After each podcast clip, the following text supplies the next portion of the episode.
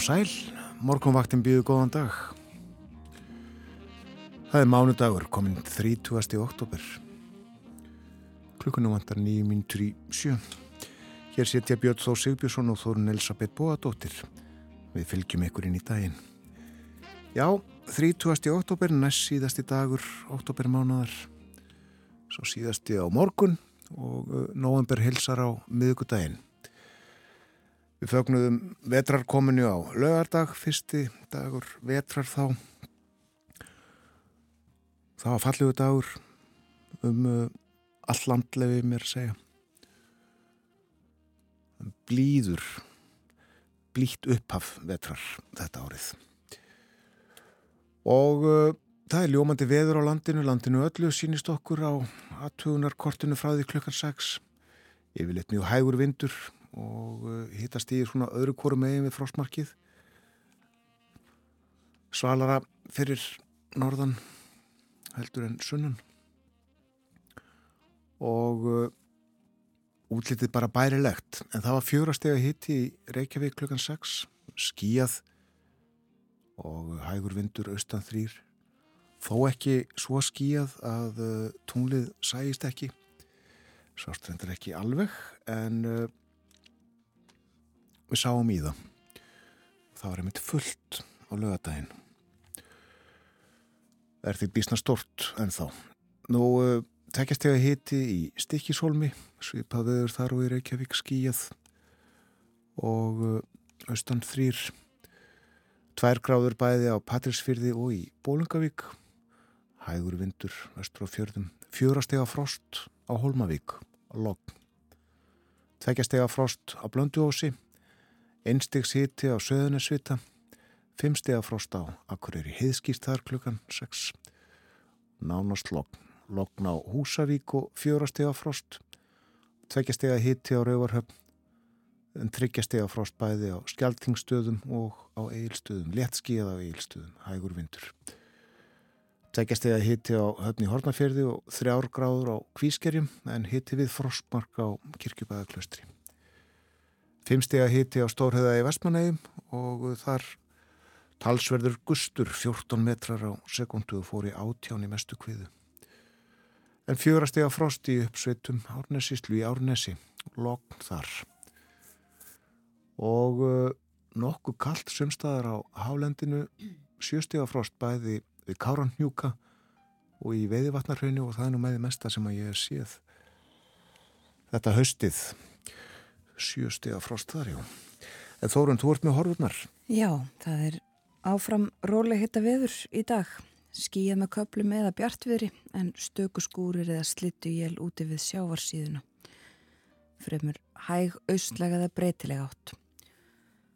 Og uh, á morgun þá hversir nokkuð við söðurströndina með austan kalda eða strekkingi verða 8 til 13 metrar á sekundu og svo hvassara annað kvöld 10-15 dálitlir dálitlar skúrir sem að fylgja þessu annars staðar á landinu mun hægara og áfram yfirleitt bjartviðri.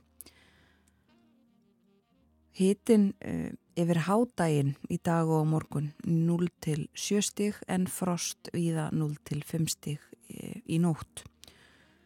Það hversir svo enn á miðvöggudag segir í hugleðingum viðurfræðings mest siðra og skúrir eða dálítil jél á austanverðurlandinu en annars yfirleitt bjart.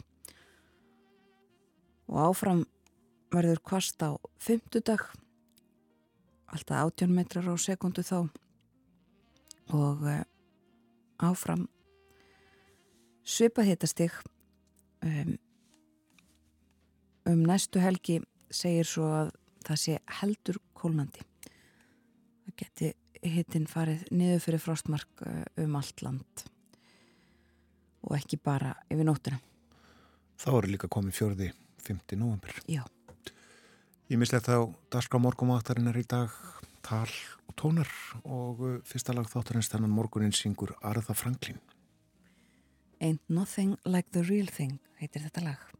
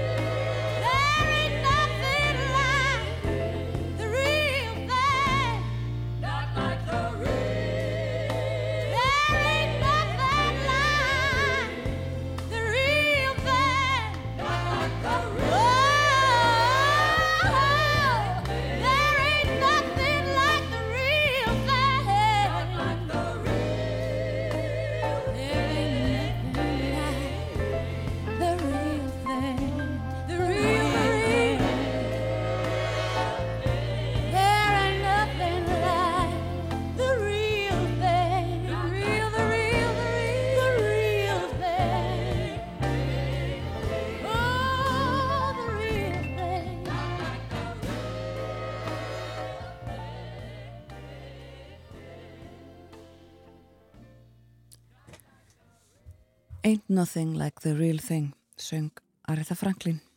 Fyrsta lægi sem við leikum á morgumvaktinni þennan mánudagsmorgunin þessa vikuna. Við förum svo að leipa fréttastofinni að.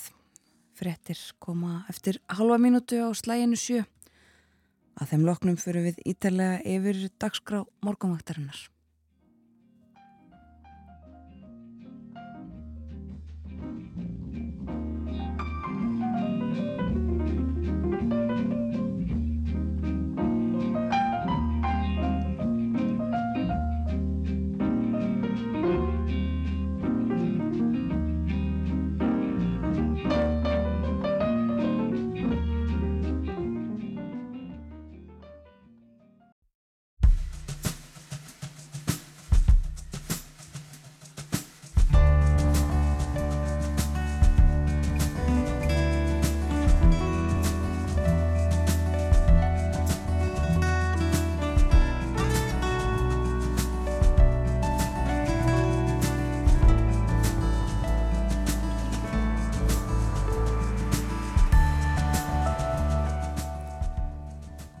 Góðan dag.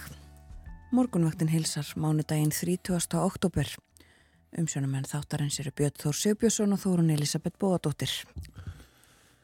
Hér er gríðaleg dýrtíð, alvarleg húsnæðiskrísa og okkur vextir innheimtir.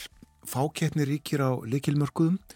Það er ómögulegt að lifa af á takstalunum. Hagsmunir fjármálakerfisins eru teknir fram yfir hagsmunni verkafólks og efsta lag samfélagsins býr við ofurlaun og bónusa. Já, hún er ófögur myndin sem dregin er upp af íslensku samfélagi í álíktunum Þings starfskreinasambandsins sem framfór í síðustu viku. Við ræðum um þetta við Vilhjálm Birgisson, formann sambandsins. Hann verður með okkur upp úr halv átta.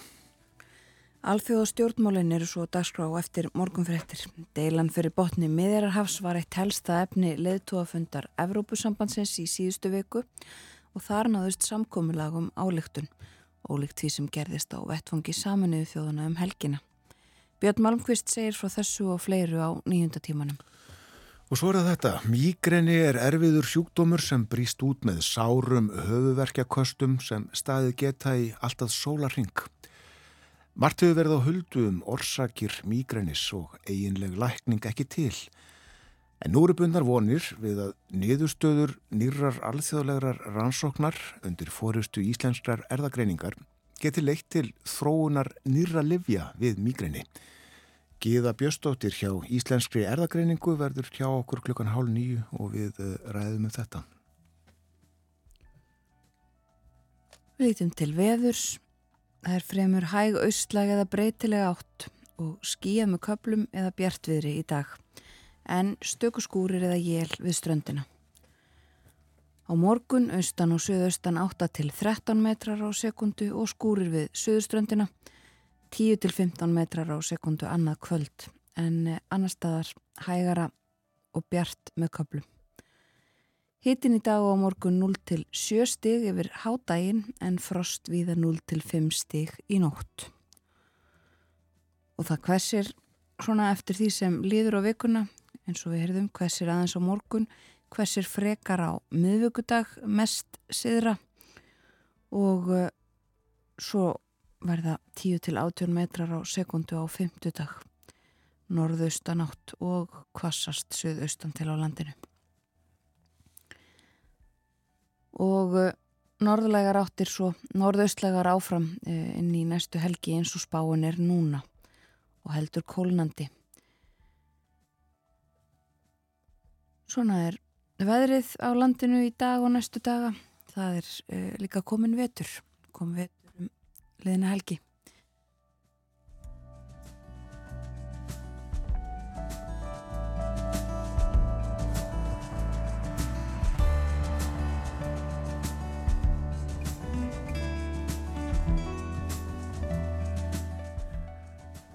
Aðeins að uh, vegunlandsins, uh, þeir eru margir hverjir bláir, ímist dökkbláir eða ljósbláir á uh, að, að, aðstöðu korti vegagerðarinnar og það þýðir hálka eða hálkublettir.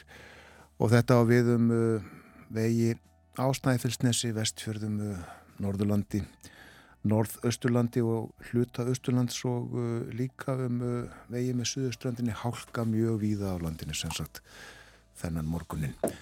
En uh, aðeins aftur að uh, veðrinu sjálfu en uh, Einar Sveindursson viðfræðingur skrifaði færslu á Facebook í gær sem ég tók eftir. Fyrirsvagn á þessari færslu fjölskylda heimsækir breyta. Engin venjuleg fjölskylda og alls ekki konungsborin heldur læða fjölskylda eða öllu heldur bálkur yllviðra. Það fyrsta og veigaminsta á þriðudag, næsta á fymtudag og það síðasta líklega á lögadaginn. Allt lægðir sem renna sömu eða mjög svipaða slóð. Mjög öflugur skotvindur er að byggjast upp frá ströndum Norður Ameríku og austur yfir Allandsaf með stefnu á vestur-Európu og þessi skotvindur í hálóftunum getur af sér óvenju skeinuhættar óveðus lægðir svo snemma vetrar sem nú og uh, hann fer betur yfir þetta en uh, líklegt sem sagt að uh, leðinda veður verði þarna á Breitland segjum þessa tilteknu daga og uh, jafnvel óveður. Og svona smá hliðarefni, eh, einar nefnir í þessari fæslu orðið eh, skotvindur. Og í aðtöðasemdum við þessa fæsluans þá skapast svol til umræða um skotvind. Og Trösti Jónsson viðfræðingur hann uh, skrifar og uh, segir að þetta sé þýðing á eftir því sem hann best viti uh, orðinu jetstream sjálfur hafa hann nú ekki oft notað orði skotvindur. En uh, það sem hann hefur frekar notað yfir þetta veður hugtak er vindrastir. Já, þau eru mörg orðin og hugtökin, ekki síst þegar veðrið er annars vegar. En ágetis veður sem sagt á landinu í dag, bjart og fallegt víða um land. Og Tunglið við nefndum það aðeins hér fyrr í morgun og uh, það er mynd af því á fórsíðu morgunblaðsins í dag var uh, á östurhimninum í gerðkvöldi og uh, má sjá það sannsagt á þessari stóru mynd af fórsíðu morgunblaðsins yfir Móskarðsnjúkum. En uh, allir að sé ekki rétt að horfa til hvað suðvestus núna til þess að uh, reyna að sjá tungli. Við sáum það uh, svona hluta í morgun en annars er skíjað svona var allavega þegar við vorum á leið til vinnu og verður kannski degi. Glottir máni yfir móskarsnjúkum segja þér hér í teksta undir þessari mynd. Nú uh, það er fjallað um uh, jarðhræringarnar á Reykjaneskaga, landrýsa nýju á Reykjaneskaga og það hratt segir hér í fréttmorgunbladsins og rætt við Ármann Höskuldsson, professor í eldfjallafræði við háskólans og uh, hann segir það er aðeins spurningum tíma hvenar eldgós verði nærri mikilvægum innviðum á Reykjaneskaga og stopniði með hættu. Það er klárt að það gerist, það er bara spurningum hvenar. Þess vegna verða menn að halda áfram að undirbúa sig og hafa hlutin að klára. Nú, uh, svo er hér rætt við Katrínu Jakobsdóttur fósættisráþara sem að telur að rétt hefði verið að styðja áleiktun Jórdaníu á allsæra þingi saminuði þjóðana um mannúðarli á gasastrandinni. Við í ríkistjórninni vorum sammála um að við myndum leggja áherslu á botnalli af mannúðar ástæðum strax og uh, hún segir að engin ágreiningu sé innan ríkistjórnarinnar um mikilvægi þess að virða alþjóða og mannúða lög en uh, eins og við vitum að uh, þá satt Ísland hjá við allkvæðagreðslu um álegtun hjá saminuðu þjóðunum.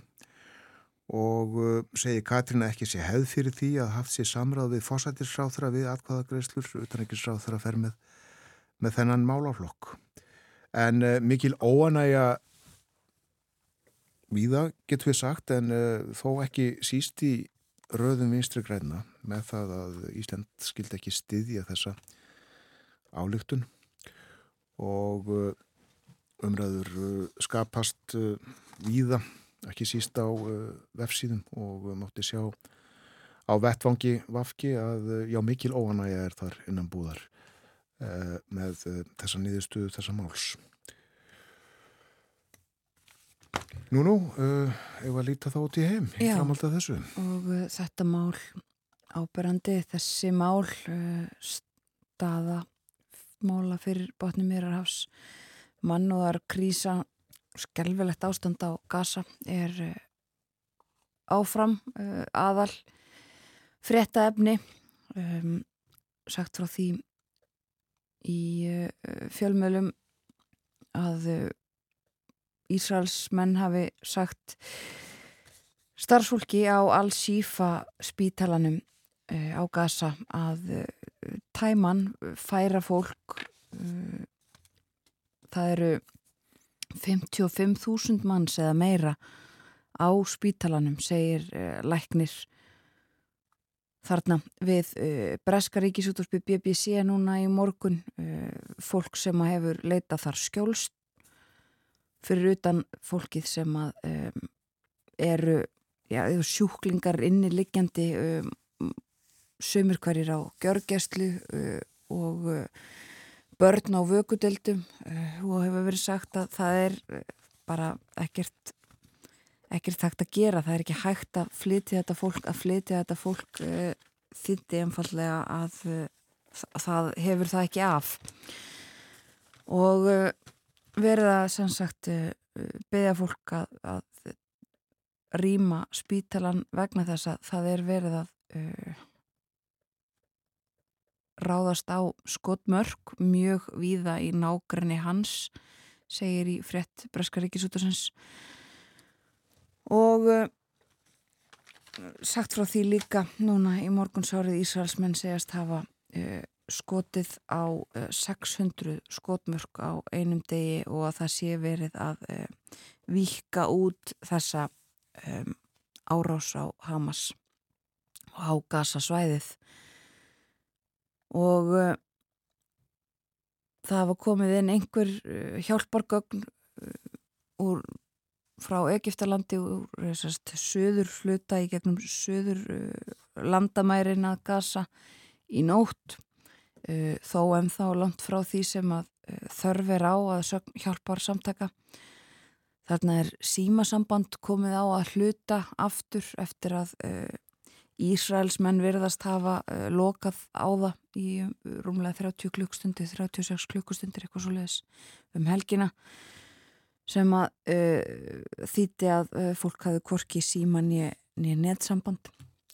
Um, og uh, já, þetta ímislegt uh, sem að þessu tengist í uh, erlendum frettum og þetta er fórsýðu efni mjög víða áfram um hvert sem að litið er.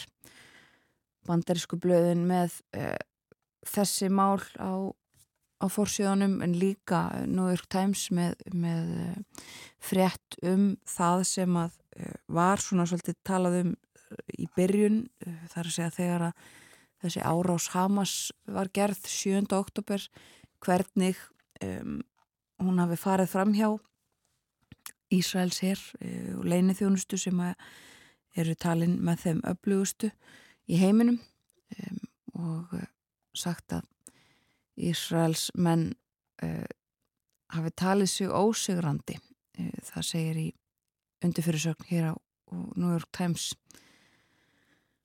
Og uh, forsiðu myndin á New York Times líka frá Gaza af reyðhjóla viðgerðum segir að þar hafi fólk farið að nota reyðhjólun vegna þess að það er ekki lengur til eldsneiti á bíla og uh, önnur uh, krísa á fórsíðun á Washington Post í bandaríkjunum uh, það gleimist, við höfum stundum nefnt það hér um, að hryllingurinn þar hefur ítt af fórsíðunum stöðumála í Úkrænu og það má líka segja það um, um stöðumála í Jemen. En einn fórsíðu fréttana á Washington Post í dag er þaðan mynd af uh, yfir fullri barnadeild á spítala þar uh, það er gríðarleg fátækt og uh, erfitt ástand í Jemen og nú þar, er þar mjög heitt og það er afskaplega erfitt ekki síst fyrir vannærð börn sem að þarna sjást á myndum. Það er ímislegt sem að um, á sér stað um heiminn þó að við sjáum ekki og fáum ekki á því frettir daglega. En við ræðum nánarum Erlandar frettir hér á eftir. Uh, Björn Malmqvist, frettamæður í Brussel, verður með okkur eftir morgum frettirnar klukkan átta og þá förum við meðal annars yfir uh, það hvernig tekið var á málum gasa á liðtu ofundi Európusambandsins fyrir helgi. Aðeins eitthvað heimað stjórnmálunum landsting miðflokksins fór fram um helgina.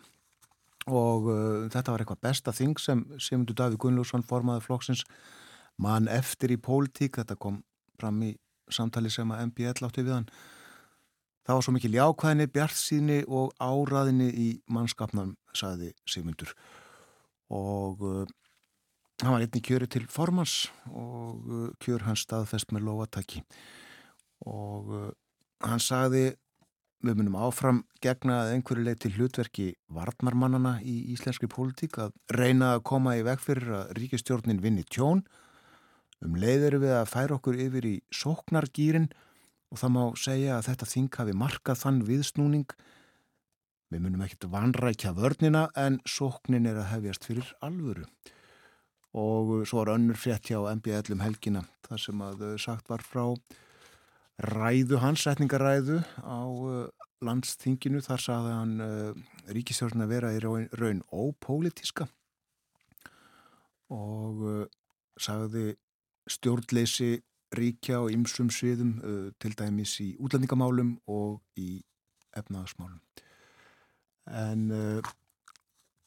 það er engir þingfundir um helgina í vikunni þar að segja og ástæðan held ég svo að uh, í vikunni stendur uh, Þing Norðurlandaráðs, uh, það verður sett núna á eftir í Óslum og það sækja sjö þingmenn held ég alveg öruglega en hefð fyrir því að alþingi starfi ekki á meðan Þing Norðurlandaráðs stendur. Það kemur þó ekki veg fyrir að utryggismálunend alþingis komið saman í dag og ræði ástandi fyrir bótni miðurrafs. Heyrum þá tónlist, þetta lag heitir Waiting og eh, það er íslenska tónlistakonan Árni Margret sem að flytur það.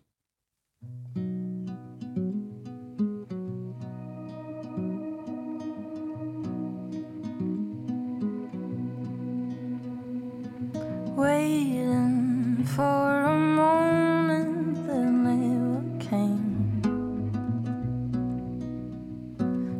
tell you the things I wanted to say.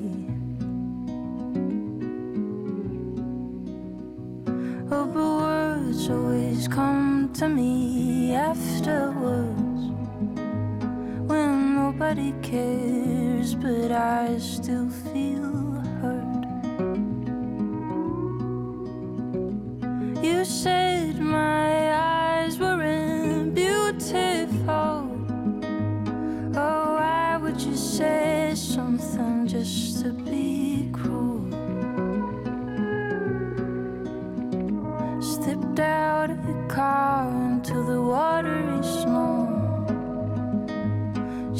wanted to go, so I slammed the door. So I spend my time waiting with all of the things that I am. And it's all so frustrating.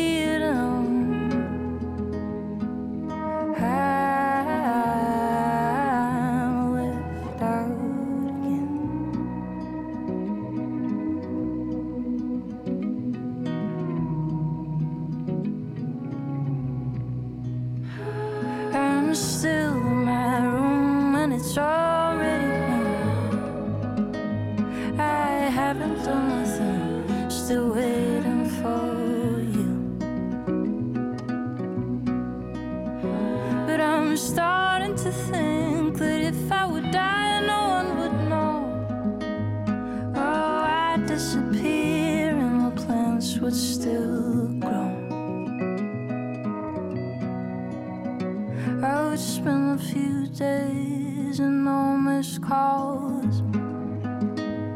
Just to me and my mind to talk through it all.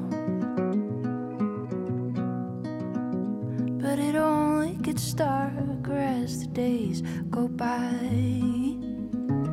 Oh, if I would see her, I'd say I'd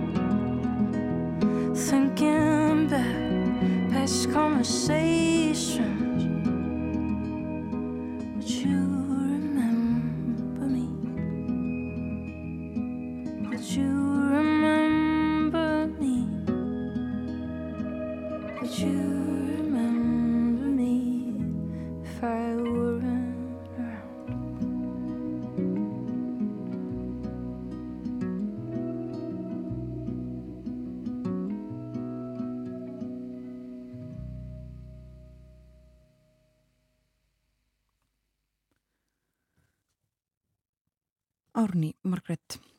Þetta lag heitir Waiting og uh, er af uh, plötu. Eða, Þetta er nýtt lag. Lagið uh, á plötu sem heitir Dinner Alone. Þarna syngur hún og spilar á gítar og með henni Guðmundur Kristinn Jónsson á bassa, Rúbun Pólak á gítar og Áskir Trösti Einarsson á hljómborð. 64 sveitafélög er í Ólandinu en uh, þeim fækkar um eitt í vor þegar þau verða 63 það var ljóst um helgina þegar íbúar í Vestubyggð og Tálknafyrði samþýttu saminningu og uh, þetta var samþýtt með uh, nokkrum yfirburðum ef svo má segja. Þannig að þau verða eitt frá með næsta vori það þarf að uh, kjósa nýja sveitastjórn, sameilega sveitastjórn eða sveitastjórn þessa nýja sveitafélags sem að uh, þá verður til með formlegum hætti. Fækkar svona smátt og smátt Já, um uh, eitt og tvö og þrjú kannski ás tvekja þryggja fresti, eitthvað svo leiðis. Þannig er gangurinn í þessu.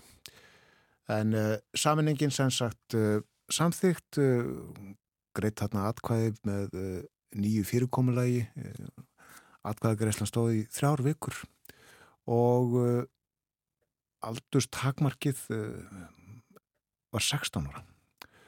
Og yngsti kjósandi neymitt 16 ára held að hafi átt aðmæli daginn sem að sem að kostingin fór fram. Það líður að fréttaði við litið hjá okkur eftir það verður Vilhjálmur Birgisson með okkur formaður starfskrinnasambandsins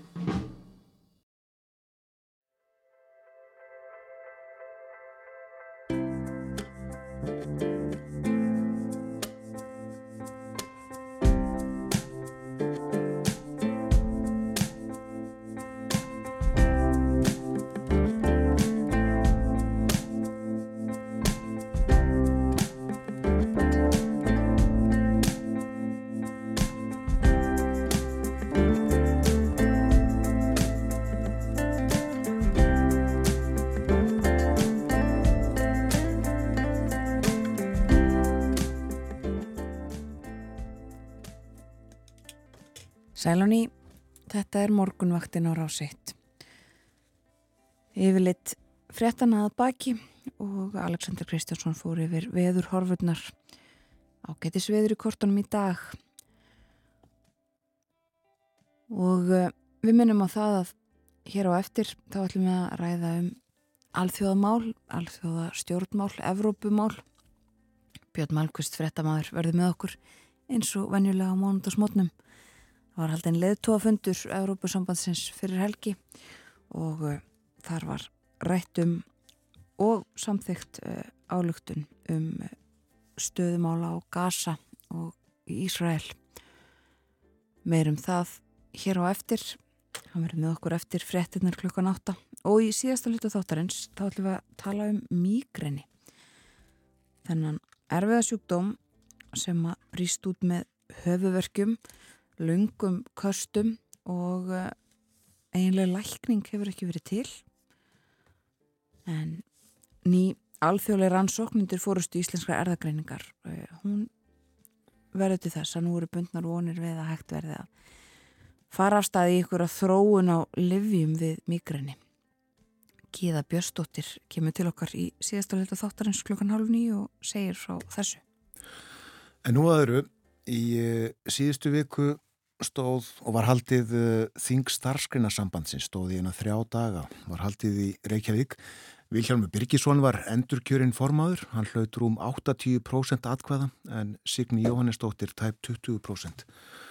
Kostning Vilhjálms sem sagt uh, afgjurandi og uh, atkvæði nú talsvert fleiri en á síðast ári þegar hann var fyrst í kjöri. Góðan dag Vilhjálmur. Já, komið í sæl og góðan daginn. Góðan dag, eh, þú eh, talar í gegnum tölvubúna frá Akranesi þínum heimabæ. Já. Svo það komið fram. En eh, já, þú hlýtur að tólka þessar niðurstöður sem svo að, að ánægja sé með þín verk þetta fyrsta, eina, fyrsta eina og halva ári í ennbætti. Já, og ekki bara það heldur skipti rosalega miklu máli fyrir fórustumann í verkefliðsefingunni að hafa skýrt og tryggt umboð uh, sinna félagsmanna á bakvið sig og á þessu þingi uh, var kosið. Ég var svo sem ekkit viss um það hvort að ég fengi yfir höfuð mótframbóð því að ég hef ekki fundið uh, neina svona óanægi með mín störf og, og, og varaformansi sem er, sem er Guðbjörg Kristmisdóttir frá verkalýs og sjómanafélagi í Keflavíkur en það kom mótframbóð og Og það er rétt eins og þú segir, ég fekk 81,1% eh, atkvæða sem er óbóstlega stert og gott umboð og veiti manni styrk í þau verkefni, þau erfiðu verkefni sem að framöndan eru sem að eru komað til kjærasamlingar. Og eins og ég sagði áðan að uh, þá varstu kjörin á þingi í fyrra sem sagt, uh, það var í, í marsmánu eða í mann rétt, er, er, kjö, kosið, er, er sem sagt formaða starfnaðarsambassins bara kjörin uh, í ár í senn, til árs í senn? Nei, hann er yfirleitt kosin, uh, sko þingin okkar eru á tveggjára fresti en, en uh, það frestaðist uh, út af einhverju sem að flest okkar munna en þá sem að var COVID. Já. Þannig að þetta kjörtímabil var bara eitt og hálft ár en þing starfskunarsambansins er alltaf haldið á tveggjára fresti og það er yfirleitt á því ári sem hann ekki er þing alþjóðsambansins og þín galþýðusambassins er líka haldið á tveggjarafesti. Já, þetta er reglan á þessu. Þetta er reglan. Eins og ég uh, fór yfir í kynningu hér fyrir þættinum þá er ófögur mynd af íslensku samfélagi dregin upp í álíktunum þingsins. Uh, gríðarlega dýrtíð, húsnæðiskrísa, fákeppni, okurvextir, miskipting gæða. Vilhelmur, þú hefur verið lengi á, á vettvangi verkalýsmáluna, það er 20 ár síðan og varst formaður verkalýsfélags Akranes. Er ástandið núna Eh, það svartasta sem að þú hefur séð ef kannski undan eru skilin missurinn þarna eftir hrun sem að, að eh, leggju marga illa? Já, ég skal alveg fúslega viðkenna það að hrun árin voru náttúrulega okkar erfiðust ár. Ég ætla ekki að fara neitt í, í grækvöldu með það og ég ætla svo sem alls ekki að fara að teikna upp stöðuna núna eins og hann var á árunum 2008, 2009 og, og, og, og 10. Ég, ég ætla ekki að gera það. En hins vegar eru rosalega eh, mörg rauð flögg uppi núna og ég get bara nefnt eh, einfalt dæmi að 35% eh, félagsmanna starfsgrunarsambands Íslands eru með e, yfirdráttarlán sem bera 17% vexti og þetta kom fram í könnun sem að varða sem er rannsóknarstofnun aðila vinnumarkanis gerði fyrir okkur. Og þegar, þú, þegar, þegar fólk sér það að það eru 35% okkar félagsmanna sem eru nauðbeigð til að framfleita sér í lok kannski hvers mánar með yfirdráttarláni að þá er staðan orðin gríðarlega erfið og það kom líka fram í þessari könnun að 10% okkar félagsmanna sem tóku þátt í könnunni voru með svo kvöldu smálan. Þannig að já, staðan er gríðarlega erfið Okkar félagsmenn sem e, eru margir líka hverjir á leigumarkanum hafa þurft að horfa fram á e, umtalsverða hækkun á leiguverði, ekki bara e, hækkun á leiguverði sem er umfram vísitölu, heldur er, er rétt að geta þess að þegar að verðbólgan er þetta eins og í dag 8% að þá, þá er það e, hækkun sem að byrtist fólkin okkar í hverjum einasta mánuði Þannig að staðan er já svo vissulega erfið. Matarkarfan hefur hækkað á síðustu 12 mánuðum um 12%. Þannig að við getum bara sett þetta í einfalt samingi að fjölskylda sem er að eigða 100.000 krónum á, á mánuði í, í, í mat er að eigða 112.000 krónum eh, núna á meða við fyrir 12 mánuði síðan og svona mætti í raun og veru lengi telja þannig að staðan er gríðarlega erfið Síðan erum við með hinn hópin okkar sem að er á egnamarkanum, e, á sitt eigið húsnaði og hefur verið að horfa hér upp á vextina, rjúka upp úr öllu valdi þar sem að e, greiðslu eða vakstabyrði hefur verið að aukast um tíu ef ekki hundruði þúsunda. Þannig, þannig að staðan er gríðarlega erfið. Ég ætla bara að leifa mér að, að, að, að segja það og ég stend og fell með því. Við ætlum að reyna að koma víða við en ég verða að, að uh, tala eins meira uh, betur um, um uh, þessi yfirdráttarlán, auðbyggð segir, þetta er algjörð neyðabröð líklega að taka lán sem að bera 17% vexti og þú sagði hvað, 35% félagsmanna í starfnarsambandinu þurfa að gera já, það?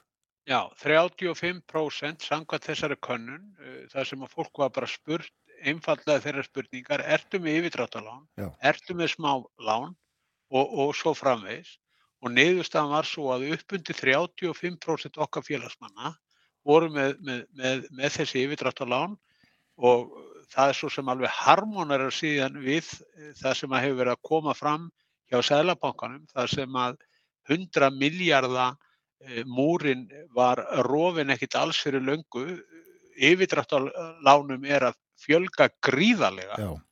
Og, og, og, og Og þetta er náttúrulega bara einfallega þannig að það er alveg rétt eins og þú nefnir réttilega.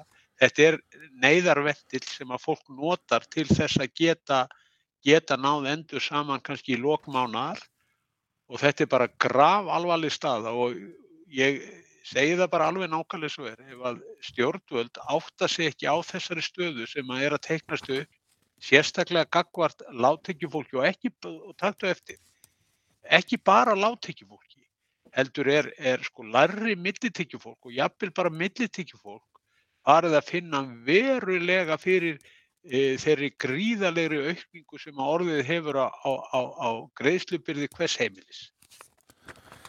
Uh, kemur líka að því að tölum um Sælabankan í tölum hans að uh, sko vanskil hafa ekki aukist en uh, það skýrist á, á þessum yfirdráttalónu líklega. F fólk grýpur fyrst til þess að, að taka þau?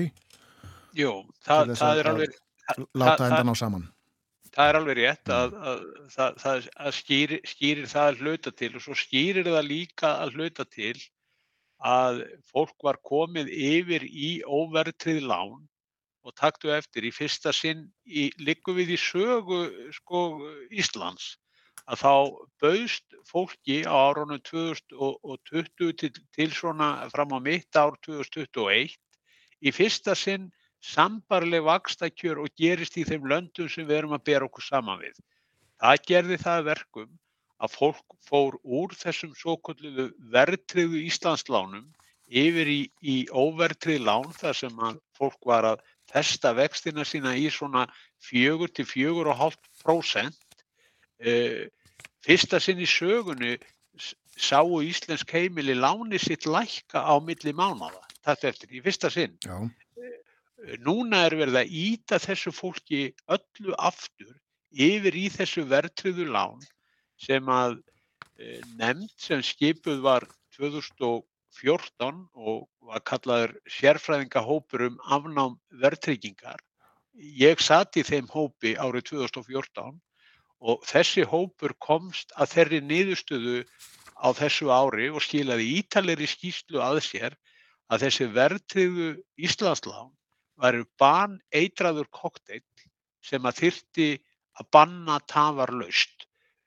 Þetta var niðurstaða sem að þessi hópur skilaði af sér árið 2014 en því miður hefur ekkert gest og núna er eina úrræðið sem að fjármálakerfið hefur og Seðlabankin er farin að beina til fólks, það er að fara úr óvertröðulánunum og færa sig yfir í þennan baneitraða koktil sem ég var að fara yfir og sérfræðingahópurinn kom, komst á orði.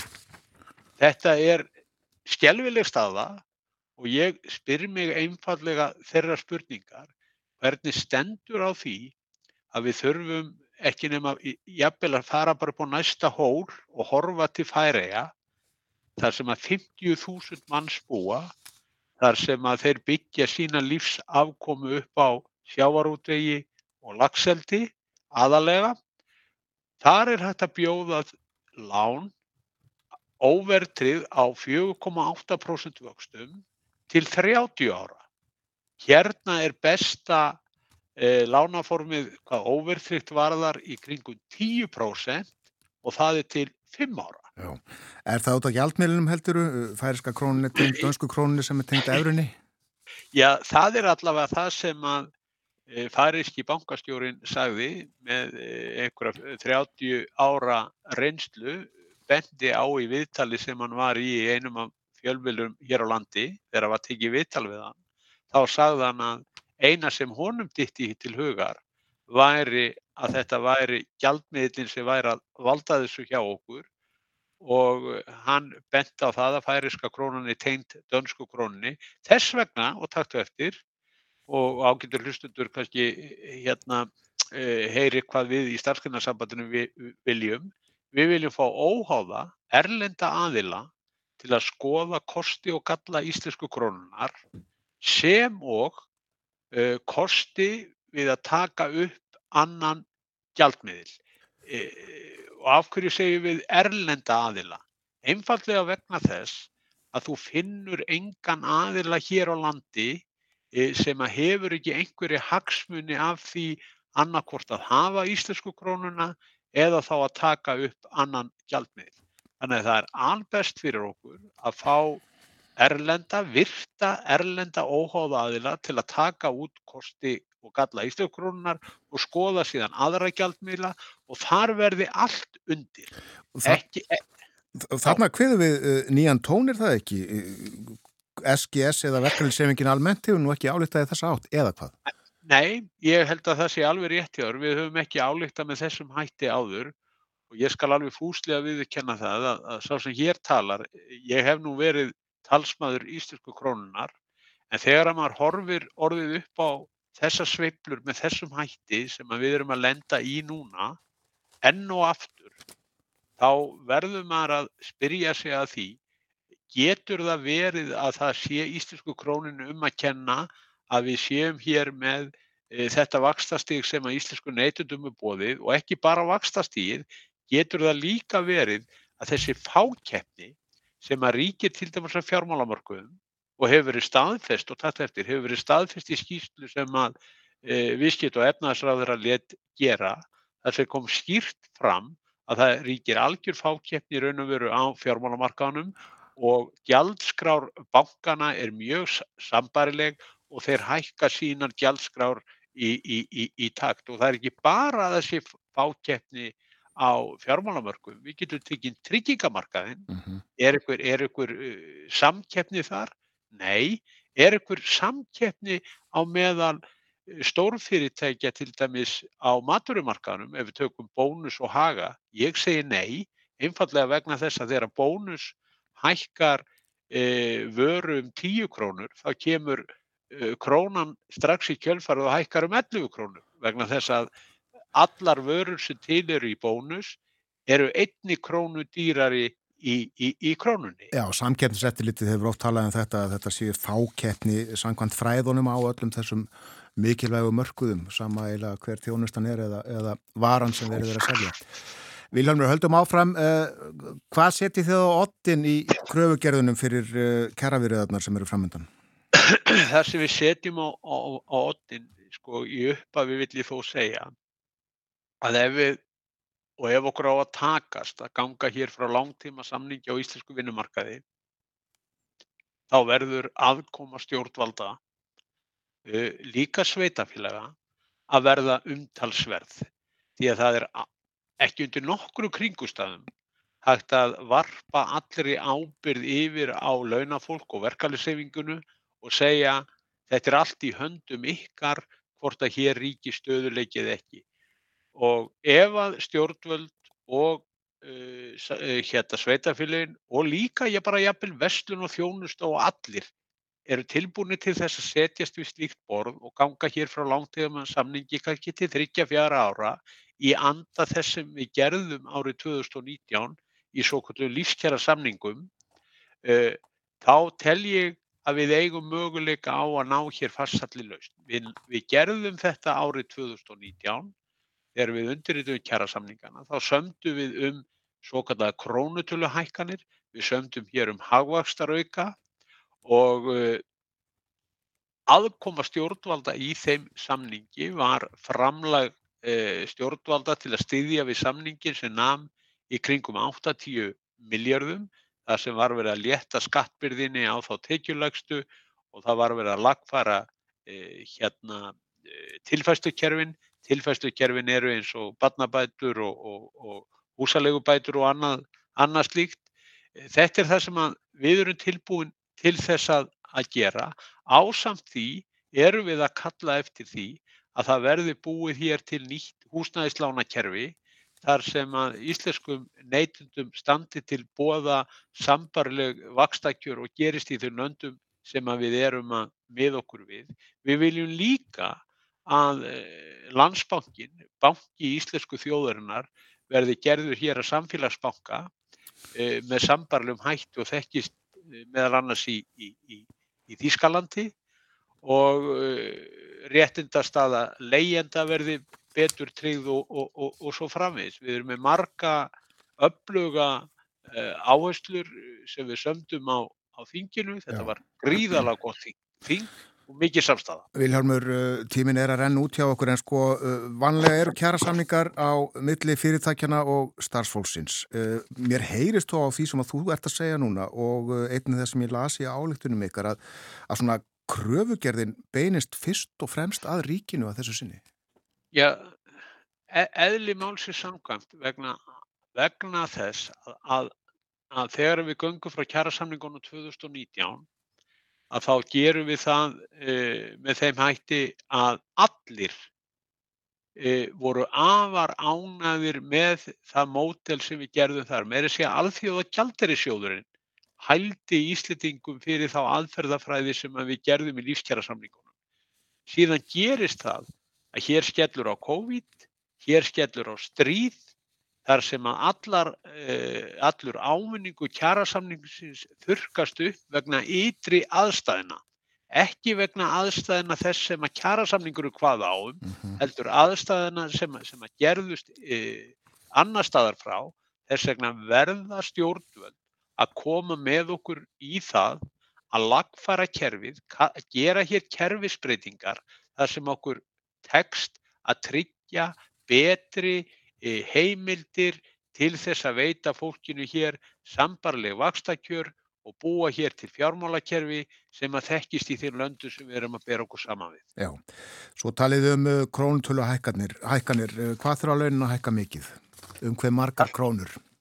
Þetta er feikilega góð spurning, alveg feikilega. Það veldur allt á því hvort, að, hvort og hvernig aðkoma stjórnvald og sveitafélaga verður því að það skiptir engu máli fyrir okkur hvort að við hækkum launum 20.000, 30, 40, 50 eða 60.000 ef að allt annað hækkar um miklu, miklu meira og allur ávinningurinn er tekin af okkur. Þess vegna er erfitt að nefna ykkur að eina ákveðna töl í því samengi. Þetta ræðst algjörlega að því hver aðkoma stjórnvald og sveitafélaga verða og, og, og ef að aðkoma stjórnvalda verður með þeim hætti að við, okkur tekst að auka ráðstöðunatíkjur okkar félagsmanna með fleiri þáttum en beinum launahækkunum, þá þarf launahækkunum að verða minni heldur en ella. En ef það ekki gerist, þá höfum við enga aðra möguleika heldur en að sækja uh, þann mismun til uh, okkar viðsemjanda sem er réttilega eins og þú bendir á samtök aðlýsins. Ertu sæmlega bjart síðan á að uh, stjórnvöld komi já, jákvæðað borðinu og að þetta muni ganga sæmlega fyrir sig? Nei, ég ætla að segja ég sé ekkit rosalega bjassinn þetta gangi hérna vel fyrir sig en ég vil bara trúa á því góða í fólki og ég vil bara trúa því að stjórnvöld átti sig á þessari stöðu sem er uppver komin. Ég get tekið sem örstu dæmi hvað sveitafélagin gerði í síðustu samningunum 2019. Þá ákvaðu þau með yfirlýsingu að hækka ekki gjaldskrár um meira heldur 2,5% og taktu eftir að 2020 áttu áttu fastegnagjöld að hækka til dæmis hér á Akranis um 21% en hækkuðu bara um 2,5% út af því sem við skrifum í lífstjærasamningin og þetta eru nokkru þúsundkallar sem hvert heimili fekk þarna í aukna rástöðunatekju bara vegna þessa eina atriðis. Það eru svona atriði sem við erum að horfa á og þetta er hægt ef allir eru tilbúinir til þess að koma þessu borði. Þakkaði fyrir að vera með okkur á morgumvaktinni í dag, Vilhjálmur Birgisson. Takk og gaman að vera hjá þér. Takk, takk. Takk, takk.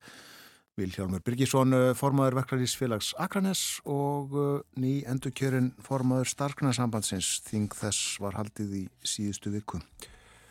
Rættum hér um stöðumála í samfélaginu og horfurnar framundan og þetta kjaraviðræðunar og það sem að Starknarsambandið setur á ottin.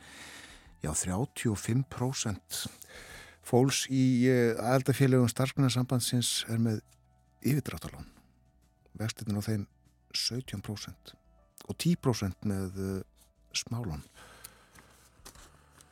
Það er uh, önnu mynd sem við fáum þarna af stöðu fólks í landinu heldur en þegar við skoðum skíslunar frá Sælabankanum þar sem segir að vanskil hafi ekki aukist mikið þau séu bara tiltulega lítil. Já það þarf að skoða skoða allar tölurnar til þess að uh, fá hennar réttu mynd.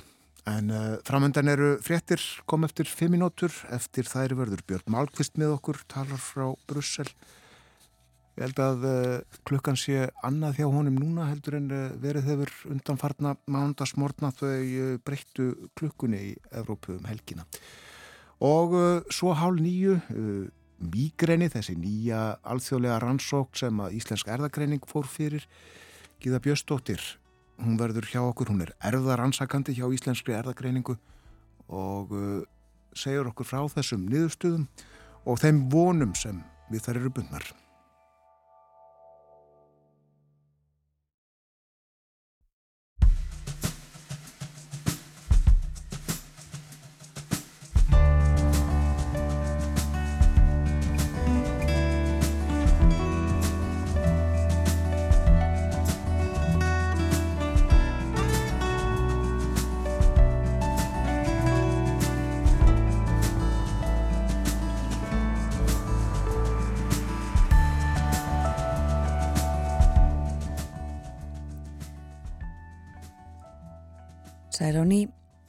þetta er morgumvaktin á 1.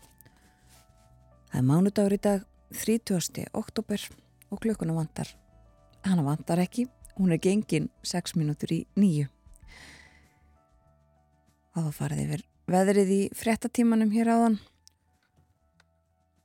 En fyrir frettinnar rætum við við Vilján Birgisson, formann starfskreina sambandsins afsakið. Hann er á Akranesi, hann rætti við okkur þaðan um uh, þing starfskreina sambandsins í síðustu viku og um stöðu mála, efnahagsmála, uh, kjærasamninga og svo eitthvað fleira.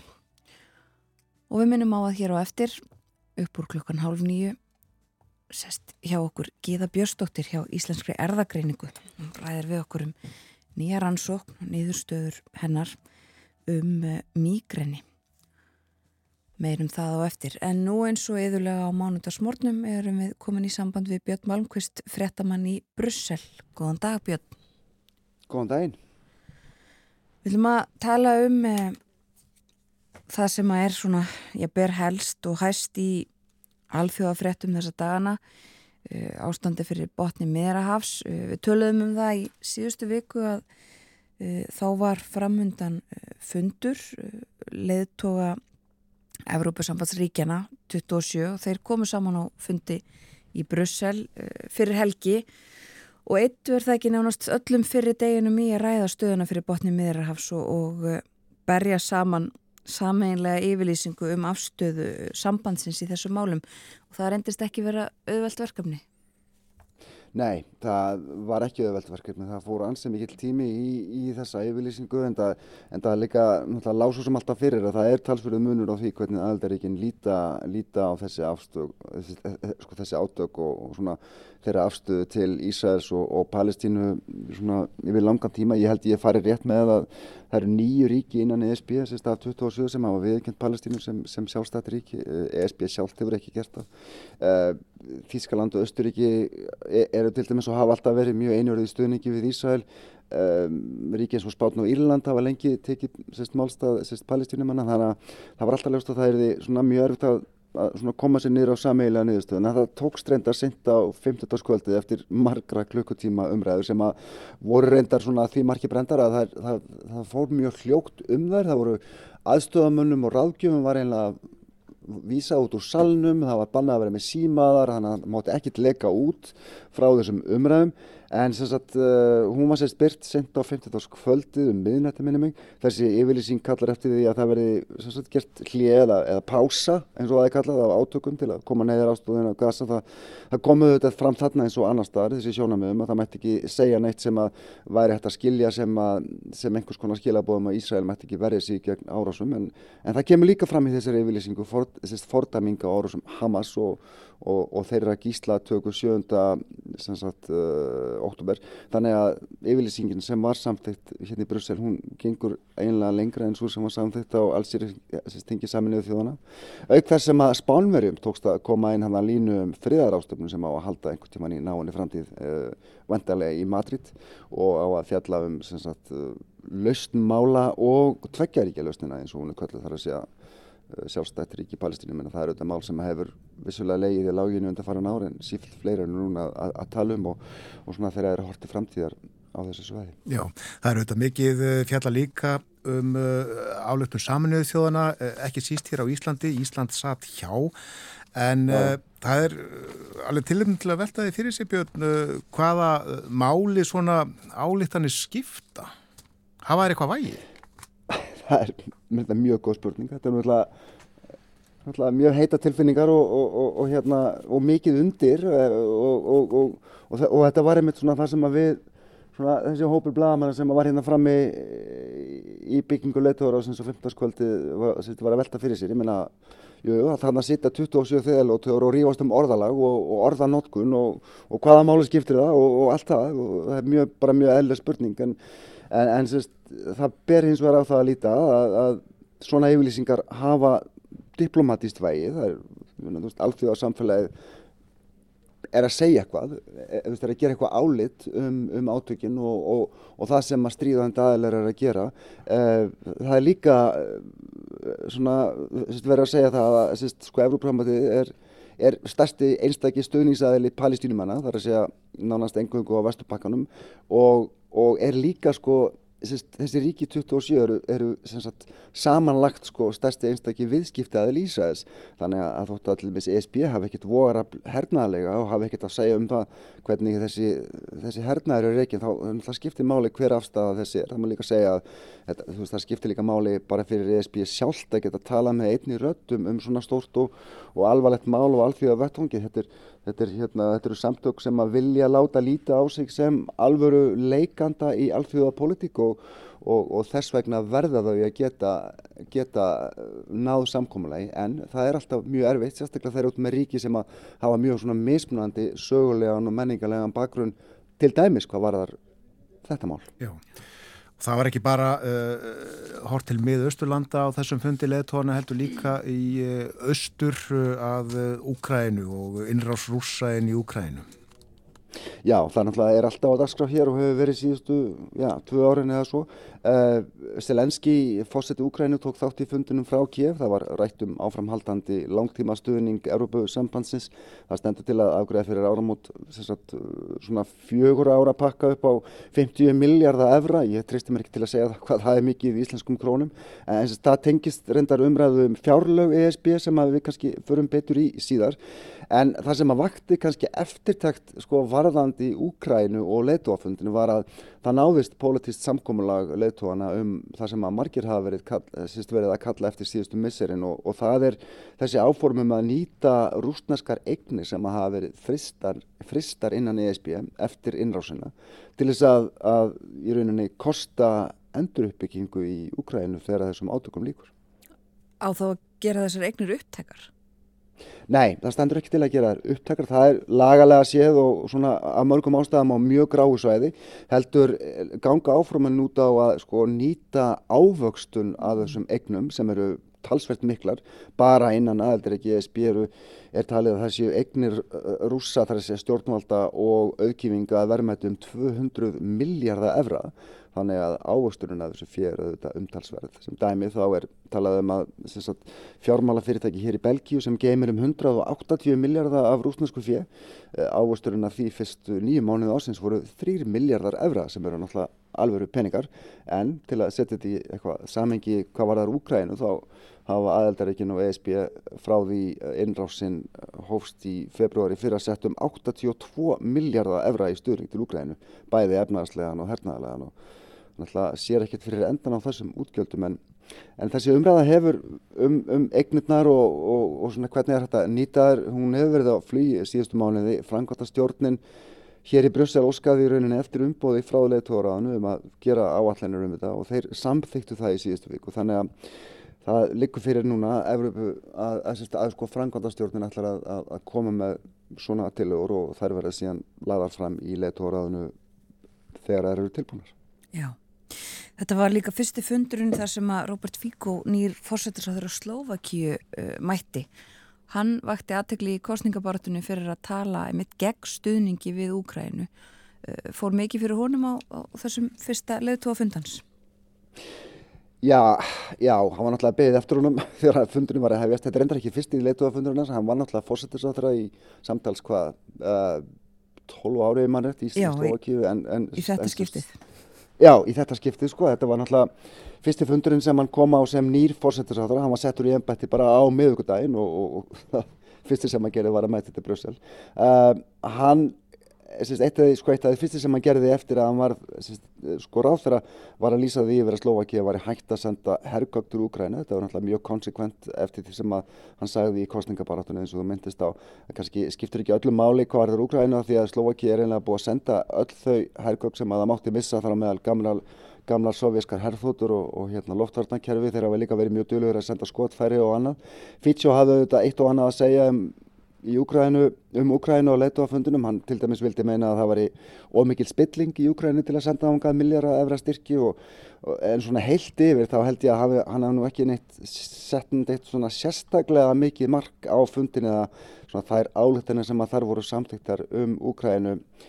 En ég vissum að Viktor Orbán fórsettis á þessar Ungverðarlands, hann er eins og er mjög glæður yfir því að vera búin að fá bandamann í þessum hópi þar að segja Fítsjó, eh, hann er svona eins og Orbán, hefur, Orbán hefur verið gaggrinnin á ímislegt hvað varðar Úkrænu, hann náttúrulega, vakti aðtegli hvað fyrir hálfumánuði síðan, hann var fór til Kína og hitti Putin þar og, og lit taka, taka mynd af sér að að hérna takki hendin á Putin og hann var gaggrindu fyrir þetta með, meðal annars af leitugum. Ég held að þeir tveir, Fitcho og Orbán, eigi nú ekki eftir að standa neitt alveglegi vegi fyrir áframhaldandi stuðningi í ESB við Ukræna. Það er ekki síst vegna þess að þessi tvö ríki eiga talsveit undrið í að viðhalda góðum samskiptum við Brussel út af alls konar ástæðum. En Orbán hefur staðið í vegi fyrir því að Svíjar fái aðild að allarsasbandalæginu, Tyrklandsfossetti samþýtti aðildina fyrir sitt leiti núna á dögunum og eftir standa bara ungverðir ekki satt. Jú, sko, Erdogan, hann hleyfti þessu máli inn á Tyrklandska þingið í síðustu viku og þar verður að vantalega tekið fyrir á næstunni, eins og maður segir. Uh, ég veit ekki hvernig, málið er náttúrulega komið á borð þingsins í Budapest en það er svona ekki ljóst hvernig það verður afgreitt. Sko, ungverðir hafa alltaf sagt að þeir ætla ekki að vera síðasta aðeldaþjóður í NATO til að samtíkja svíja. Núna er það náttúrulega bara Tyrkir og ungverðir eftir hvort þeir standa við það. Tja, það verður bara komið ljós. Í, í, í þessu samhengi þá reyndar Þá var ég á bladamannafundi sem að Kaja Kallas, fórstættisáþara Íslands, held á 50 daginn áður en að leiðtóafundurinn hófstún bauð þarna einhverjum 15-20 bladamannum og hún var einmitt spurðum þetta með Svíja og Ungverja, hvort þetta er eitthvað rætt óformlega á leiðtóafundunum sem er nú svona oft gert að svona leiðtóa nota tækifærið og skjóta hverja vannan og, og, og svona pota aðeins. Eh, Kallas, hún hérna Hún kom með skemmtilega sögu frá leittóaföndunum, ég held að það hafi verið annarkvort í mars eða í júni þegar að hún, Petri Orbo, fórsættis á þeirra Finnlands sem að þá var á sínum fyrsta fundi, hvort það var ekki bara í júni og Orban voru bara dúkuðu saman í liftu hérna hinum meginn í húsinu þar sem ég sitt, þar sem húsi leittóaráðs ESB, heyrum hvað kallast það að segja um það.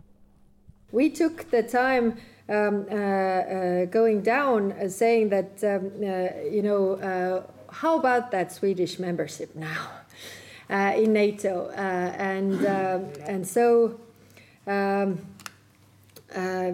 President or Prime Minister, sorry, Prime Minister, Prime Minister Orban was saying that that his parliament is, is looking into it and and and I remember that uh, uh, Prime Minister uh, Orbo then said, "I guess you can work that parliament, Victor." that was so so true. So Já, það var sérst kallast að segja að, hérna, að þau voru saman í liftinu Orban, Orbo og, og hún og hérna voru eitthvað að spurja Orban um, um hérna þessa stöðu mála á þinginu og hann sagði já já, úrumgænska þinginu bara komið með máli og þá sagði sagt, finnski fórsettisáþra meðan svona efnislega að þú ert nú með þetta þingi í vasana með það ekki? Þannig að þetta var svona skemmtileg saga. Já, en það er nú óhönulegt að þessi vitnaði lifturspjallir það ekki á svona fundum? Jú, það er, þetta var mjög svona hressandi bladamælafundum með Kalla sannar fundudaginn og hérna hún sagði í, svona ymsar góðar sögur hérna, og reyndan kom með bara sín skilabóð um, um fundin og stöðumála í Íslandi og, og svona ímislegt annað en, en svona þetta var, þetta var mjög svona það var mjög hressandi að hérna, hlusta á hana var líka það, það, það var líka svona óformalt spjall á eftir og og já, svona skemmtileg tilbreyting að, að hitta þjóðarleitu sem að, já, ég bara, þú veist, er ekkert að skafa skafa því. Nei, en talandum allarsvarsbandalæðið, uh, eh, það leikur fyrir og hefur uh, lengi leiði fyrir að Stoltenberg er að hætta sem frangatastjóri uh, og leitað eftirmannistendur yfir þetta ekki? Jú, það hefur verið svona ákveðin, ég var að segja mannuna vandi, mm. hvað var það eftirmann Stoltenberg sem er búin að vera þannig síðan hvað 2014 það var svona Ímis Nöpperi nefnd, Metti Fredriksson þar á meðal sem hefur ítrekka gefið þetta frá sér. Svo var Ben Wallace varnamálar á þeirra fyrirvænandi breyta sem að sóttist eftir því en einhvern veginn var ekki já, fekk ekki mikinn hljómgrunn annar staðar, náttúrulega bandarækjumenn sem að ráða mjög miklu um þetta. Eh, nafn Mark Rutte hefur ítrekka verið nefnt í þessu samengi en hann hefur alltaf sagt bara ekki hann hefur alltaf sagt ekki hafa áhuga á þessu starfi. Þanga til um helgina þegar hann sagði í viðtali við hólæska útvarpið að hérna, þetta væri nú bara áhugavert starf eins og hann sagði það. Uh, sko það sem að er að gerast með Rúti er það hann er náttúrulega búin að hann er náttúrulega búin að segja í rauninni uh, hann er búin að tilkynna það að hann sé hættur í politík hann ætlar ekki að leiða uh, sinn flokk í kostningunum í Hólandi sem verður eftir þrjára vikur sko Stoltenberg hættir í oktober á næsta ári, hann er búin að framlengja hann tvissvar hann er búin að vera á næsta ári í tíu ár og, og, og hérna og það sem hefur gerst með sko, stöðu frangværtstjóra Atlasbandalagsins er að sko, þessi stað og hún var alltaf svona þannig að, að það dugði sko, að þú hefði verið ráð þeirra varnamála eða auðriksmála í þínu landi, í þínu aðeldaríki eh, til þess að verða sko, aðal, til, eh, eh, til þess að verða frangværtstjóri NATO en nú, en nú bara dör það ekki lengur nú þarf það að vera sko, þjóðulegtugi þannig að það hefur svolítið verið að verið að ræðum þjóðarleittóa sem eru annarkort nýhættir eða er að hætta. Það var mikil umræða um að næsti frangotastjóri ætti að vera kona. Það var talað um sko, manneskjur eins og Kæju Kallas og eins og aðrar kvennleittóa frá austur hluta Evrópu, þar að segja austur-Evrópuríkjum sem eru innan NATO. Um, einhvern veginn hefur það ekki gengið upp. Um, svo kom Mette og það var ekki, það var ekki hægt og núna er bara, já, núna er Rúkti búin að opna át og ég held að svona, ég, mér þætti það ekkert ólíklegt að, að Rúkti þætti ágættis kostur í þetta starf uh, hann hefur verið lengi, hann hefur mikla reynslu uh, þú veist, hollendingar eru þú veist, sterkir bandamenn um, og ég held að, að bandarækjumenn sem að náttúrulega ráðast á endanum öllu um það hver verður frangotstjóri ég held að þeir, hérna, það kemur ekkert óvart þótt að, þeir myndur líta rútið mjög svona frekar jákvæða með Nei, má nefna það að uh, landi hans uh, Sjeffer fyrirverandi útærikiðsáþur á Hollands var uh, aðalreitar eða frangotastjóri Allarslandsbandalagi sinns 2004-2009 svo kom Anders Fór Rasmussen og, og svo Jens Stoltenberg. Já og síðan Anders Fó hefur ekki verið neitt svona ráð þeirra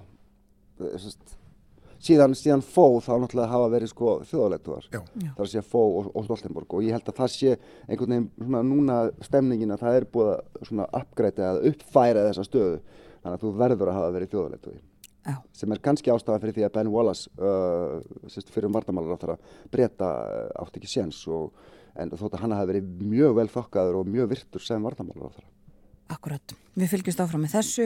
Rétt í lokin Björn að uh, tala um stöðun á spáni. Við höfum á til minnst á stjórnarmynduna viðraður þar. Nú verðist eitthvað vera gerast. Já, sko, hæri menn gerðu tilraun, uh, tókst ekki, uh, Hugo Sánchez, uh, starfandi fórsettisáþara og hans flokkur, sósélistar, hafa verið að vinna því að púsla saman meira hluta eftir þessar kostningar sem voru, hvernig voru það eftir, júli var það ekki? Jú, og, og, jú, í sumar. Það er hans þess að í síðustu viku gerðist það að hann náðu samkómalagi við Sumar, sem er bandalaflokka á vinstrivagnum í, í í spænskri politík. Svo lístaði því yfir í ræðu á lögadaginn að það væri réttast að veita leðtogum aðskilnaða sinna í Katalóni og sækar uppgjöf fyrir tilröðinu til að halda þjóratkvæðagriðslanu 2017 sem var kannski margi mun eftir sem var dæmt ólögleg. Það voru margi leðtogar aðskilnaða sinna dæmtir þar á meðal Kallis Puigdemont sem að reyndar býr hérna í Brussel og er þingmaður á Europafinginu í svona hálgerðri útleik frá spáni. Og eru þetta bara ósveikin pólitísk rásaköp? og bara ekkert annað. Þetta er krafa, þetta er krafa sem að þessi krafa um sakaröpgjöf er krafa sem að tveir litli flokkan í Katalóníu ERC og, og Hunds það sem að Puigdemont er reynda leitói hafa gert til þess að hafa sett fram til þess að sem, sem, sem skilir til að, til að styðja Sánchez uh, í stjórnarmyndun. Sakaröpgjöfni geti náð til um 1400 manns spænski fjölmjölar Málið er hins vegar að sko sengkvæmt skoðanakönnunum á Spáni þá eru, já 70-80% almennings á spáni á móti þessum áformum um sakarauppgjöf. Þetta er endar ekki ákvörðin sem að Sanchez tekur einn að því að hans félagar í sósélastafloknum greiða núna atkvæði um áform, þessi áform til að mynda stjórn segja, og það náttúrulega inniheldur uh, veist, þetta mögulega samkómulag við, við aðskilnaða sinna þess vegna var hann að tala um þetta lögadaginn atkvæðagreislan, hún hófst í morgun og stendur næstu dag, ég er ekki alveg viss hversu lengi en ég gerir áþverið því hún standi út vikuna, þetta er auðvitað alveg gríðarlega umdelt á spáni, menna það voru 100.000 manns á samkóma hægramæna í Madrid í gær að mótmæla þessum áformum og það gengur svo langt að kalla þetta bara sko, tilröndi valdaráns. Já, og ef þetta gengur ekki upp hjá Sánchez, hvað þá? Einfalt mál, það voru kosið eftir á spáni í januar. Takk fyrir í dag Björn Malmqvist í Brussel. Takk fyrir það.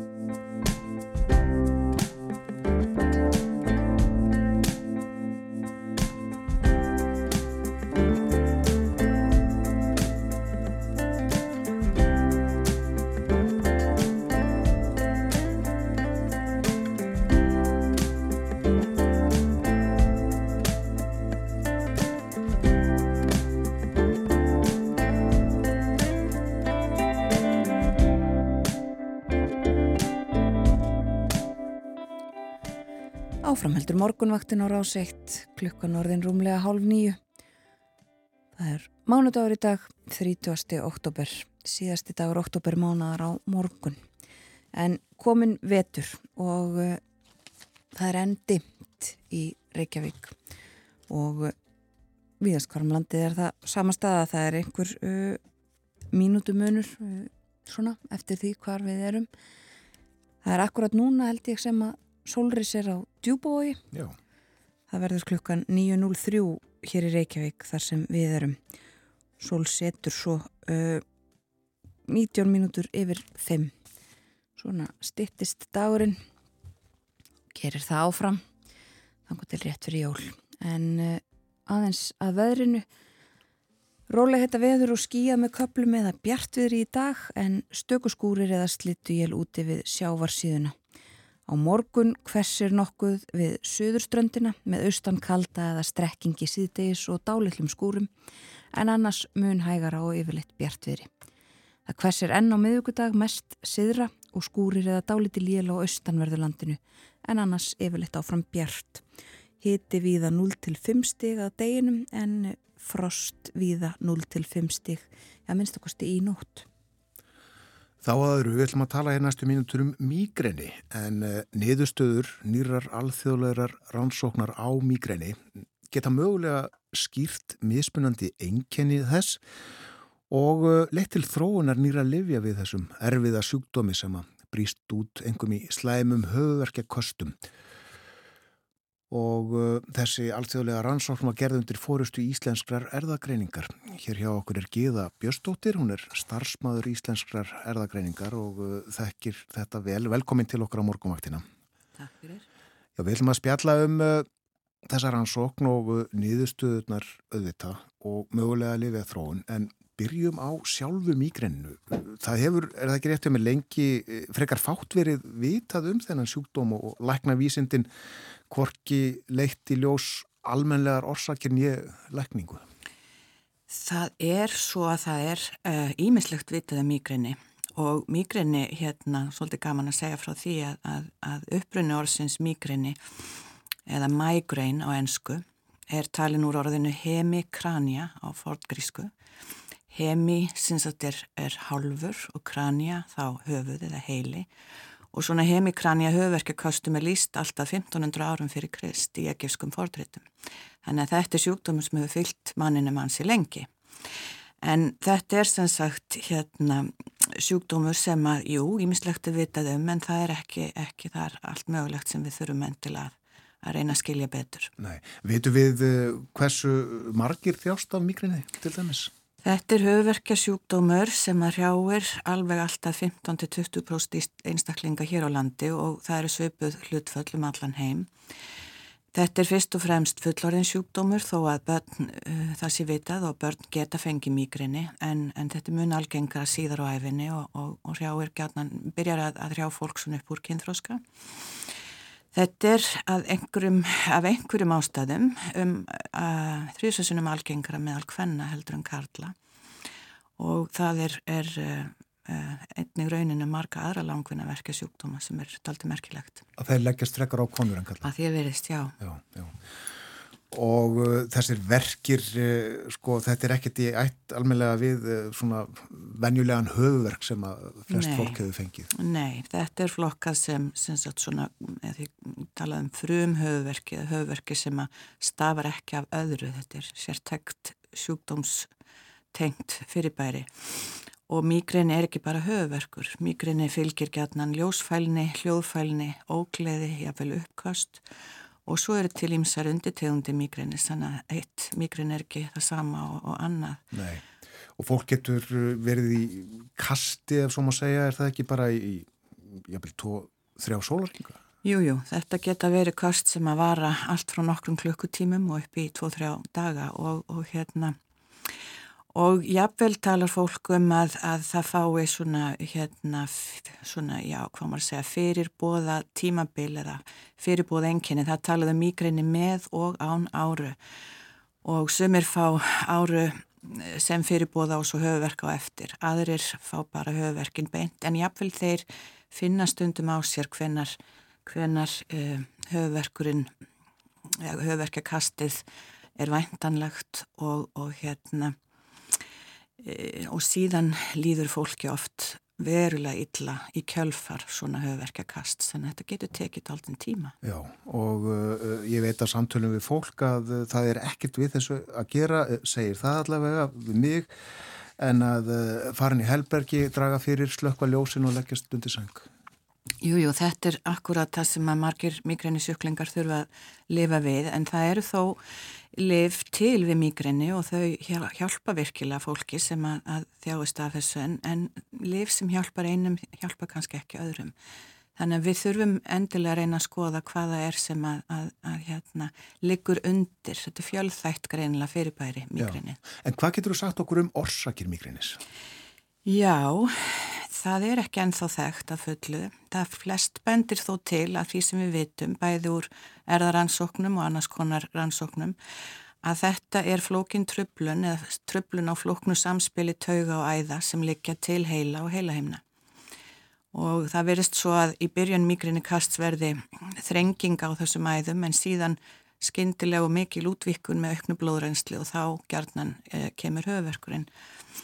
En það hefur einnig verið sínt fram á ákveðna trublun og tögastarfsemi heilans. Sérstaklega er munur á þessari trublun hjá þeim sem fá migræni með áru og þessi trublun sést ekki svo glatt hjá þeim sem fá migræni án áru. Svo að það eru þarna undirleikjandi þættir sem eru ólíkir í þessum undirtegundum. Og síðan eru til afar sjálfgæform migrænis með annars konar tögengjunum sem lýsa sér til dæmis í því að fólk verður alveg máttlust og hálf lamast tímabundið í migrænikastinu og þá gætnan eins og höfverkakastið öðrum megin í líkamannu. Farðu aðeins betur yfir það sem hún kallar með og án áru? Já, sem sagt um 30% uh, migrænisjúklinga fá svo nefnda svo þessa áru eða fyrirbóða enginni og þau lýsa sér oftast hjá langflestum í formi eins konar sjóntröflana en fólk getur fengið annars konar skinn og taugaenginni í þessum fyrirbóða. Við erum ekki að tala um ári hérna eins og vorum að tala um fyrir, fyrir hérna þáttinn. Þetta er ekki uh, fyrirbóði um annað en höfverkakastin. Nei, mm. akkurat, akkurat. En þetta er trublandi skinn og, og taugaenginni. Já, já. Og ágætis lýsing á því svo sem. En uh, segðu okkur þá geða frá þessari rannsók sem að, uh, hefur tekið langan tíma, er það ekki? Jú, jú, þetta hefur tekið langan tíma. Við erum búin að hjá Íslenskri erðagreiningu hérna rannsaka erðir migrænis í um 20 ár í samstarfi við landsbítalan og, og sérfræðinga í taugaleknum á Íslandi og með frábæri þáttöku höfum við fengið alveg á þessum árum, þessu árabili um 20.000 íslenska migrænisjúklinga í, í hérna sem hafa gefið okkur sínu og samþykki fyrir uh, því að, að mega rannsaka erðafni þeirra.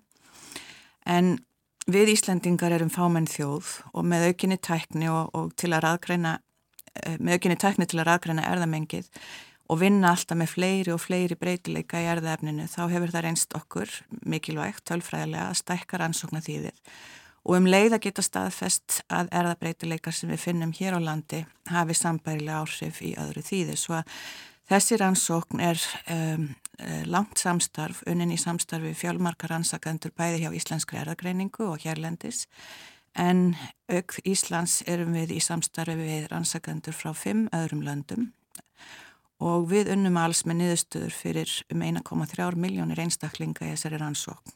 Það er um 80.000 migrænsjóklinga.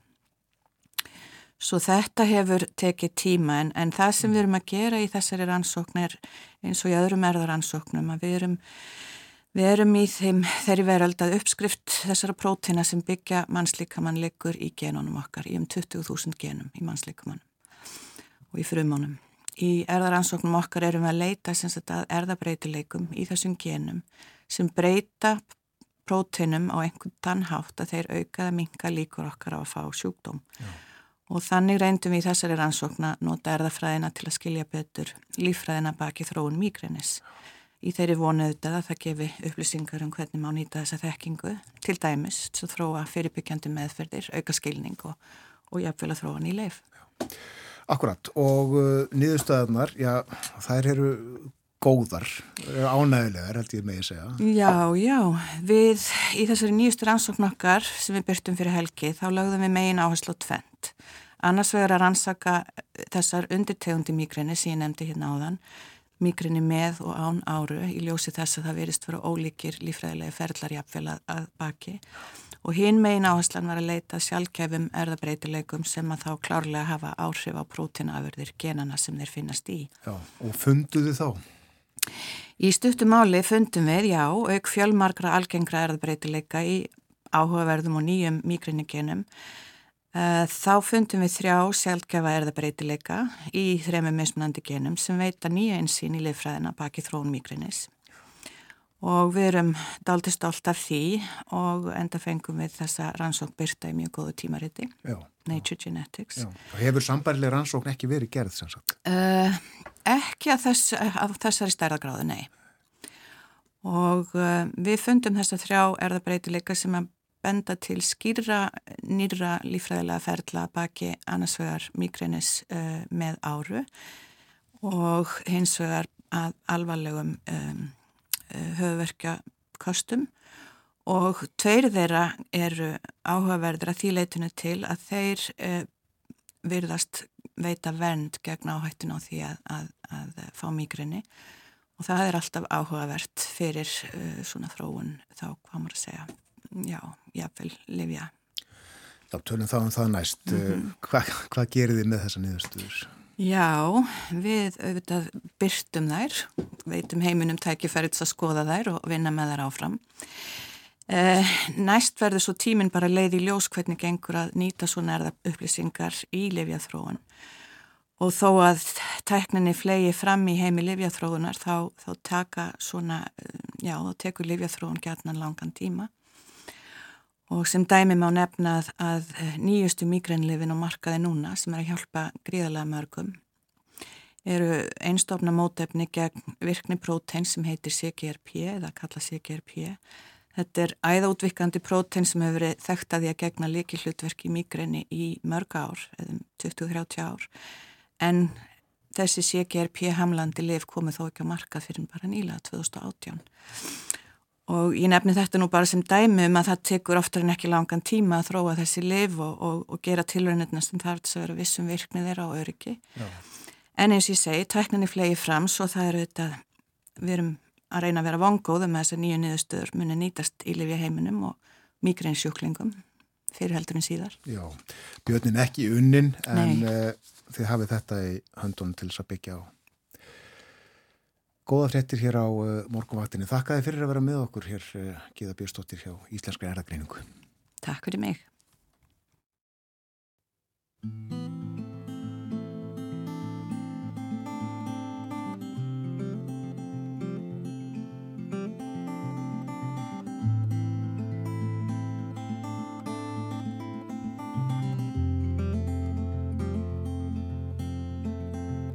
I went outside and cried after my show last night. I've never felt so alone. It's like somebody died.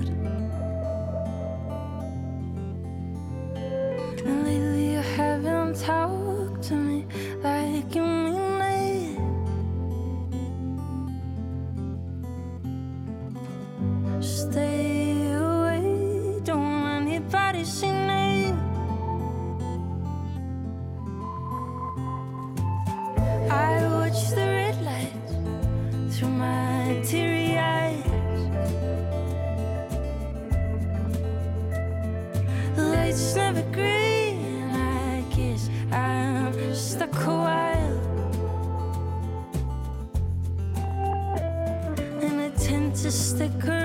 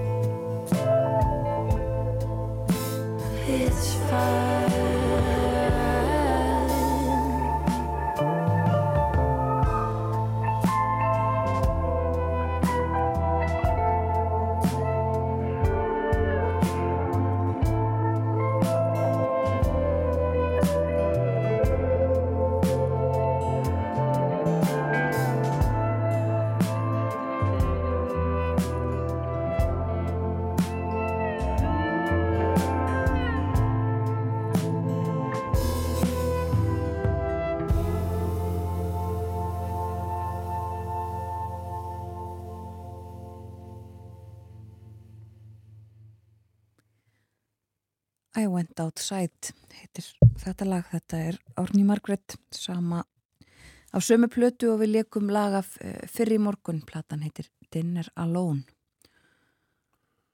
Og haldi nút í daginn Gíða Bjöstóttir, starfsmáður íslenskrar erðagreiningar sem að sáð okkur frá niðurstöðum nýra rannsóknar, alþjóðleira rannsóknar sem að íslenska erðagreining hafði fóristu um og uh, undir var mígreni, sá uh, ferlegi sjúkdómur sem að uh, 15-20% Íslandingar þekkja eða glíma við og mígreni kast getur varað í uppnið þrjá sólarhinga. En uh, niðurstöðunar uh, veita von uh, bjart síni um að hægt verði að þróa lif við migrini en lifja þróun eins og við þekkjum um, getur tekið langan tíma.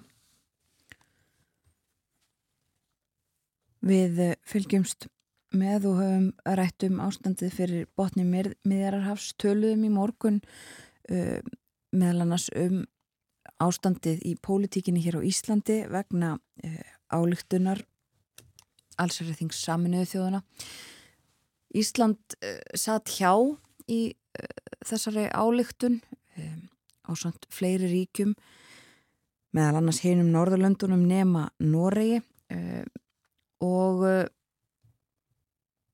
þingflokkur vinstuð græna og meðal annars uh, Katrín Jakobsdóttir fósættisráður þau hafa öll sagt að það hefði átt að greiða atkvæði með tillugu jórnana um, um vopnallið og nú hefur þingflokkur Pírata kallað eftir eða ætlar að kalla eftir afstöðu alþingis sem ansvari við afstöðu leysi ríkistjórnarinnar segir í, í tilkynningu frá Píratum Þingflokkurinn hegst leggja fram tilluga á alþingi þar sem að utaríkisráð þeirra er falið að kalla eftir tafalösu vopnalli af mannúður ástöðum á Gaza og að ríkistjórnin fordæmi ás, árásir Ísraels hers á óbreytta borgara og borgarlega innviði Palestínu.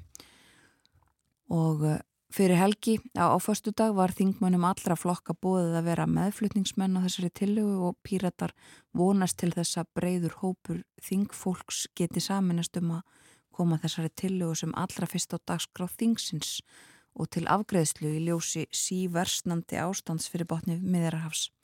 Það mun ekki gerast í e, þessari viku? Það mun ekki gerast í þessari viku. Í þessari viku eru ekki þingfundir, það er e, hins vegar Norðurlandaráðsþing þar sem að e, þingmenn eru. Það er í Noregi, er það ekki þessa vikuna? Það er í Oslo, jú.